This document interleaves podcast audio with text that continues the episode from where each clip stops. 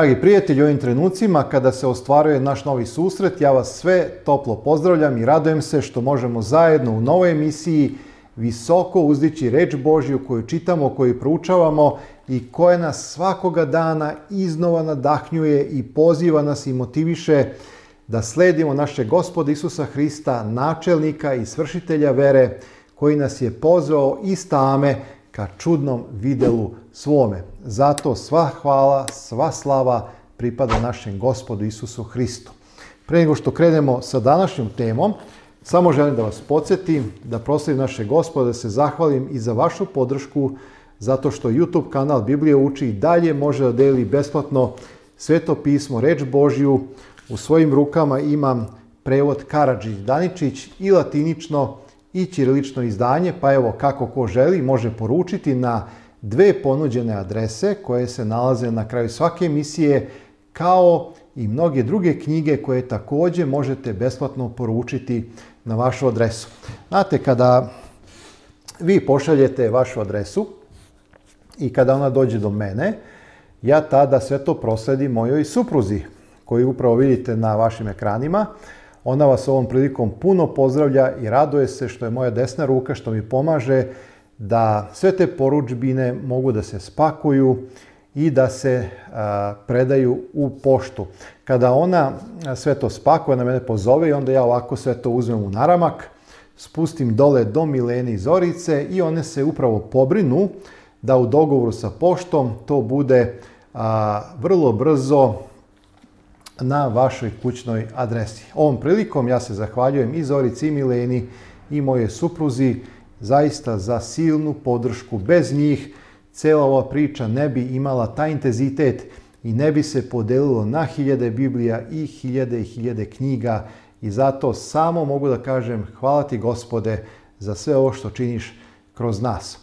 Dragi moji, Ovih dana sam posmatrao i dalje pripremam ta pitanja. Vi znate koji pratite da sam počeo novu seriju Biblija pitanja odgovori, jer sam želeo da sva pitanja koja sam prikupljao zadnjih godinu dana objavim na ovaj javan a, način, ili tako, da podelim sa vama, da bi nekako svi mogli da se obogatimo. Znači, da ne odgovaram pojedincima, nego da eto uopšteno prođem kroz sva ta pitanja, tako da svi imamo više koristi i blagoslova. Međutim, e, posmatrajući ta pitanja, video sam da su mnoga vezana za eshatologiju, za Hristo drugi dolazak, za način Hristov dolaska, za to kako će se to desiti, za bitku Armagedon, za taj veliki napad zmije na Boži ostatak, ko je Boži ostatak, kako će sve to da se odvije i tako dalje. I onda sam odlučio da ne bi sad pojedinačno to tako cepkao i odgovarao na svako pojedinačno pitanje. Odlučio sam da snimim ovu emisiju i sledeću, što znači da će ova emisija imati nastavak i na taj način ću kroz ove dve emisije obuhvatiti mnošto pitanja koja se tesno tiču eshatologije poslednjih dana istorije ove naše planete. Pa zato, dragi moji, hajde da krenemo redom. Naslov ove emisije jeste Poslednji sukob svih vekova koji najavljuje kraj sveta. Najavljuje kraj e, sveta. To je ono što svakako sve nas zanima. Mi smo materijalno ograničena bića koja često ne, ne znamo dalje od nosa, kao što se kaže u našem narodu. Mi ne znamo budućnost ako nam neko ne otkri. U ovom smislu budućnost je otkrivena u svetoj Božoj reči. Onaj ko nas prevazilazi, onaj koji je a, daleko iznad nas superiornija, to je naš gospod Bog koji nas je stvorio, koji od početka zna kraj, dragi moji, sve je lepo objasnio u svoje reči. I sve kako je napisano, tako će se desiti. I mnoge stvari su se već desile, u naše vreme se dešavaju i mi treba da imamo čvrsto pouzdanje da i ono što je zapisano, a tiče se budućnosti, sigurno će se desiti. Pa na kraju krajeva Hristov prvi dolazak je Garancija. Znači, to je garancija da će Isus doći po drugi put. Jer proročanstva koja su najavila vrlo precizno i tačno Hristov prvi dolazak takođe najavljuju i Hristov drugi dolazak. A šta ćete više, dragi moji, kad je sam Isus rekao?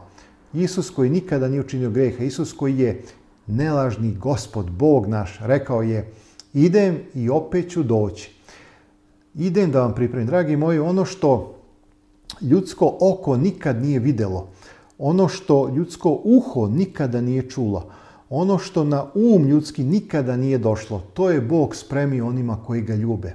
Ako izdržiš do kraja, ako se osloniš na silu i snagu naše gospoda Isusa Hrista i primiš duha svetoga u svoje srce, u svoje biće, znaj zasigurno da ćeš biti pobednik u ovoj velikoj borbi između Hrista i Sotone. Ona doživljava svoj vrhunac ona je sve žešće i žešće i mi osjećamo trenutno danas u našoj sadašnjosti taj pritisak. Osjećamo kako nam se polako sloboda oduzima. Osjećamo neverovatan uticaj Sotone i njegovih demona na svako ljudsko biće, na logiku, na misli, na mogućnost odlučivanja, a sve je to suprotno Bogu. Dragi moji, kad je Bog stvorio čovjek, on ga je stvorio iz ljubavi kao slobodno biće. Ljubav podrazumeva slobodu, sloboda je nemoguća bez ljubavi. I zato svaki pokušaj da se oduzme čovjeku sloboda izbora, a, mogućnosti da bira, jeste nešto što dolazi od đavola. Bog ne radi na taj način. Bog poštuje slobodnu volju čoveka. I zato je ovo još jedan znak da se đavo razgnjevio, da zna da ima malo vremena i pokušava na sve moguće načine da satre čoveka i da ga uništi. Ali kao što sam rekao, zahvaljujući reči Božje koja je mač, oštar s obe strane, koja je istina i videlo, mi imamo zaštitu. Zato, dragi moji, hajde da krenemo redom. Ja sam pripremio materijal koji ću iščitati u obliku prezentacije, a vi budite dobri slušači i neka vas dragi Bog blagoslovi dok budete primali ovu predivnu istinu koja donosi ohrabrenje, ali koja razotkriva a, plan i zamke koje ima đavo protiv svakog čovjeka, pogotovo onoga koji pripada narodu ostatka posljednjeg vremena. Onima koji neće pokloniti se onima koji se neće pokloniti pred Babilonom, pred prisilom i prinudom. Dragi moji, hajde da vidimo o čemu se radi. Poslednji rat svih vekova najavljuje kraj sveta. Prispelo je vreme na otvoreni sukob. Bog je dozvolio Sotoni da 6000 godina napada i da se bori protiv njegovog naroda. Sada je došlo vreme da ustane Mihajlo i oslobodi svoj narod u poslednjoj kosmičkoj borbi. Poprište je određeno, sudeonici su na svome mestu, događaj tek što nije počeo. Približava se poslednja bitka na zemlji, a nekoliko pročkih tekstova opisuju ovu strašnu bitku. Evo četiri biblijska teksta koja ću pročitati, a koje se tiču jednog te istog vremenskog perioda, perioda koji se opisuje kao vreme pred sam kraj u vreme Hristovog drugog dolaska. Prvi tekst je Danilo 11.40 do 45. A u poslednje vreme južni će se car pobiti s njim i car će severni udariti na nj kao vihor sa kolima, konjanicima i sa mnogim lađama i ušavši u zemlje poplavit će i proći. Doći će u krasnu zemlju i mnogi će propasti, a ovi će se izbaviti od njegovih ruku, Edomska, Moavska, glavni deo sinova Monovih i tako dalje. I onda zapazite 45. stih. I razapeće šatore dvora svoga među morima na krasnoj svetoj gori i kada dođe k svome kraju nikomu neće pomoći. I sada zapazite kako počinje 12. poglavlje, prvi drugi stih. Inače ovo je jedna celina sa prethodnim poglavljem. A u to će se vreme – podignuti Mihajlo veliki knez koji brani narod i bit će žalosno vreme kakvog nije bilo otkako je narod do tada i u to će se vreme izbaviti tvoj narod svaki koji se nađe zapisan u knjizi. I mnogo oni koji spavaju prahu zemaljskome probudit će se jedina život večni, a drugi na sramotu i prekor večni. Druga celina su dva teksta iz otkrivenja. I razgnjivi se zmija na ženu i otide da se pobije sa ostatkom semena njezina, koje drži zapovesti Božije i ima svedočanstvo Isusa Hrista. I drugi tekst, i vara one koji žive na zemlji znacima koje beše dani da čine pred zveri, govoreći onima što žive na zemlji da načini ikonu zveri koji ima da je rano smrtnu i osta živa. I bio je dano da dade duh ikoni zverojeni, da progovori ikona zverina i da učini da se pobiju koji se god ne poklone i ikon izverene. Dragi moji, samo jedna sugestija. A, emisije koje sam davno snimio, a tiču se komentara knjige Otkrivenja, 12. 13. poglava, kasnije 16. Sve te emisije ću postaviti u obliku linka ispod ovog videa. Ako želite više informacija, da ne bi sada mnogo trošio vremena da sve ovo detaljno objašnjavam, pronađite dole link za komentar na otkrivenje 12. 13. poglavlje i tako dalje i neke druge e, emisije i onda ima, i tada ćete imati zaista mnogo više informacija. Zapazite otkrivenje 16. Ovde ćemo se najviše zadržati, obratite na isušivanje, pažnju na isušivanje reke Eufrat. I šesti anđeo izli čašu svoju na veliku reku Eufrat i presahnu voda njena da se pripravi put carvima od istoka sunčanoga. I videh iz usta ždahinih, iz usta zverinih, iz usta lažnog proka, gde iziđoše tri nečista duha kao žabe. I onda čitamo dalje sve tekstove. Ovde se spominje tako Isusa doza kao lupež u noću, ovde se spominje Armagedon, ta velika bitka, i ovde se spominje u 18. stihu da su sevale munje i gromovi glasovi i da je bilo veliko tresanje zemlje kako nikada ne bi otkako su ljudi na zemlji toliko tresanje tako veliko. Svakako ovde je reč o nekim mega zemljotresima koji će se e, zbiti neposredno pred sam kraj istoriju naše zemlje, pred Hristov drugi dolazak. E sada, hajde sve ovo nekako da objasnimo. Znači, sva ova četiri oceka opisuju isti događaj. Poslednju bitku na zemlji između sila dobra i sila zla koja predstavlja vrhunac posljednju bitku u tom velikom sukobu. Ova borba usmerena je ka punom uništenju Božjeg naroda na zemlji, ali će se završiti potpunom pobedom svetaca Božjih. Sam Isus Hristos učestvuje u ovom sukobu sa ciljem da spase pobednike. Sjedinjene američke države ubrzat će ovu konačnu bitku preuzimajući vodstvo u dovođenju sveta pod kišobran Rima. Iako će Amerika možda nastaviti da primenjuje svoju političku moć, ona će postati podređena sili Rima. Ona će vladati sa dozvolom Rima isto onako kako su evropski vladari vladali u srednjem veku. Celi svet sledeći američki primer i priznati vrhovnu vlast Rima. Samo posmatrajte, dragi moji, vesti i ono što se dešava ovih dana u svetu i vidit ćete da su ovo tekstovi kao da su ovi tekstovi kao da su napisani jutros, kao da su jutros izašli iz štampe. U stvari samo jedna mala grupa ljudi odbiće da se poslušno pokloni sili Rima. To će razbeseti zver i ona će odlučiti da uništi sve one koji se odupiru njenoj vladavini. U srednjem veku Rim je želeo da uništi one koji su sačuvali veru. Vi se sećate inkvizicije, Sećate se da su tada bili progonjeni, ubijani oni koji su posjedovali Bibliju ili neke delove svete Božje reči i tako dalje i tako dalje. U poslednjem sukobu biće ponovljeni slični prizori, zemljotresi, ratovi, ekonomski problemi, zločeni, upotreba i širenje droge i drugo doveli su svet u položaj u kome jedino rešenje izgleda može da se nađe u delovanju verske vlasti među ljudima. Znači, ono što se sada dešava pred nama jeste jačanje religiozno-političke sile, izrazito religiozne sile Vatikana koji će pokušati da uspostavi mir u ovome svetu, koji se trudi na neki način, jer tako, bare se tako predstavlja, da sačuva ekologiju naše planete, bori se za jedinstvo naših porodica i tako dalje i tako dalje. Sve zbog tog nemorala i svega onoga što se dešava u svetu, oni će pokušati da nađu neko ili da iznađu neko rešenje. Ovo je razlog zašto svet tako vojno ponovo prilazi taboru Rima. Oni koji se ne povinuju označeni su kao najveći neprijatelji čovečanstva. Međutim, kako god bili nazvani, jedina želja Rima jeste da se zemlja oslobodi onih koji se odupiru njegovim planovima.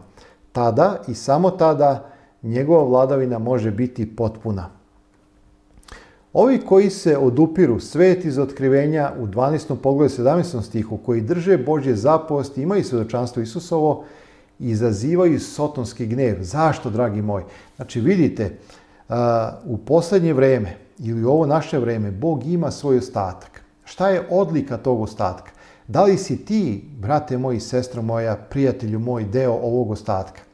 Odlika ovog ostatka jeste da imaju poslušnost prema Božoj volji koja je izražena u deset zapovestima. Ne samo deset zapovestima, nego i Hristovim zapovestima, da ljubimo jedni druge i tako dalje. I imaju svedočanstvo Isusovo, imaju veru Isusovu. I zato će oni, dragi moji, trpeti. Kada bi samo mogao da ih ukloni, nikomu se ne bi suprostavio. Znači, Sotona mrzi ostatak. Na taj način u središtu poslednje bitke nalazi se narod ostatka koji ne priznaje vrhovnu vlast Rima. To je stvarna doslovna borba, ali to nije vojni sukob između supalničkih naroda, naprotiv, to je stvarna fizička borba koja se bio oko spornih duhovnih pitanja. Ovo je stvarni Armagedon na ovoj zemlji. Ispod videa stavit ću i link emisiju u kojoj sam detaljno obradio razumevanje ovog termina Armagedon, tako da se ne bi sada puno zadržavao. Kako se zemlja kreće u susret svome kraju, sve sile zla će se ujediniti u svom pokušaju da unište Boži ostatak. To će pokrenuti svet da uđe u poslednju borbu, Armagedonsku bitku. Izgledalo je kao da sve ide u prilog duhovnom Vavilonu, Rimu, međutim tada iznenada Sveto pismo objavljuje da je reka Eufrat presušila. To razgnevljuje duhovni Vavilon i primorava ga da preduzme svoj poslednji napad. Reka Eufrat vijugala je kroz stari grad Vavilon koji je sagradio Navukodonosor. Reka je pružala potporu gradu jer ga je stalno snabdevala vodom. Vi znate, inače sad opet da ne gubimo vreme, da u otkrivenju a, Biblija nam kaže da reke i vode predstavljaju narode. Znači, u ovom momentu kada razmišljamo o vodama Eufrata u otkrivenju, one predstavljaju narod koji je imao određeni dil sa Babilonom koji je opisan takođe detaljno u otkrivenju 16. poglavlju i 17. Znači, Kir veliki koga je Bog podigao da oslobodi njegov narod iz valenskog ropstva, pronicljivo je pronašao način kako da uđe u grad. Naredio je svojim ljudima da prokopaju drugo rečno korito i tada jedne noći dok su Vavilonjani bili nekoj gozbi, Kiri je skrenuo reke, e, reku, je tako, tok reke, i njegove trupe upale su u grad kroz rečno korito i branu koju su pijeni Vavilonjani ostavili otvorenu. Te noći Vavilon je postao istorija. Tekst iz otkrivenja 16.12 objavljuje da će Eufrat još jednom presušiti da se pripravi put carovima od istoka. Drugim rečima, ova reka, rekao sam, predstavlja narode, narodi će prestati da daju podršku Vavilonu i oni će na kraju ući u sukob sa Vavilonom kada je došao da oslobodi Boži narod. Zapazite ovo, sveto pismo naziva Kira pravdom sa istoka, Isaija 41 od 2 do 4. Da bi sproveo to oslobađanje, Bog je presušio Eufrat i tako pripremio put carevima sa istoka Kiru i njegove vojsci. Vidite snažnu paralelu. Zato, dragi moji, da bismo dobro, pravilno, istinito protumačili neki tekst, pogotovo otkrivenju, mi moramo praviti paralele sa starozavetnim tekstovima, jer je tu ključ za razumevanje Biblije. Mi ne možemo tumačiti kako mi hoćemo, sesti sada kako nam dođe tako, nego postoje pravila, postoje zakonitosti, metodologije i tako dalje. Slično ovome, 16. poglavlje iz knjige Otkrivenja opisuje duhovni Vavilon, koji na vrhuncu svog uspeha potpuno je počinio ceo svet, osim ostatka. Vidite, Tada podrška Vavilonu iznenada nestaje. One sile koje su ga podupirale okrenule su se, a njegov Eufrat je presušio. Ovo presušivanje pripravlja put posljednjem izbavitelju Božeg naroda, Isusu Hristu, koji se upravo sprema da dođe kao car nad carevima i gospodar nad gospodarima. On je konačno car sa istoka. Izlivanje sedam čaša gneva razgnjevit će sve tri sile koje upravljaju Vavilonom. Ako budete pratili onu emisiju e, Tumačenje otkrivenja, tamo sam detaljno objasnio e, šta se dešava kada se izliva prva čaša gneva, pa druga, pa treća, koji to period i tako dalje. Pretpostavljeno je da će e, sve to biti bolje pod njegovim vođstvom. To je razlog zašto su se narodi priključili njegovom taboru. On ih je ubedio da Bog, delujući preko Rima, predstavlja jedino rešenje velikih svetskih problema, a izlivanje čaša gneva pokazuje da su uslovi samo da se uslovi samo pogoršavaju. Vavilon osjeća da njegova potpora reka Eufrat presušuje. U velikom gnevu sakuplja svoju vojsku da uništi ostatak. Čineći tako, on se priprema za rat protiv nebeskog boga.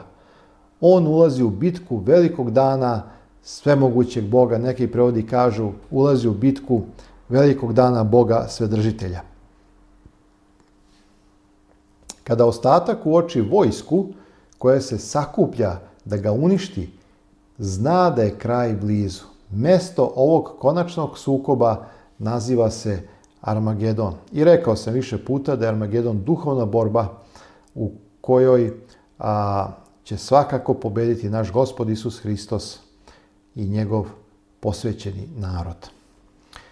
Šta je dalo povoda duhovnom Vavilnu, poslednjem severnom caru, da se takvim brzo nastanim gnevom krene protiv ostatka iz otkrivenja 12.1?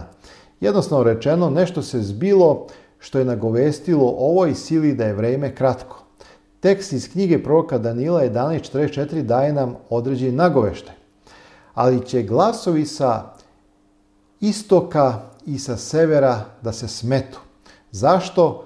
Pravi severni car spreman je da progovori i ponovo potvrdi sebe kao zakonitog vladara sveta.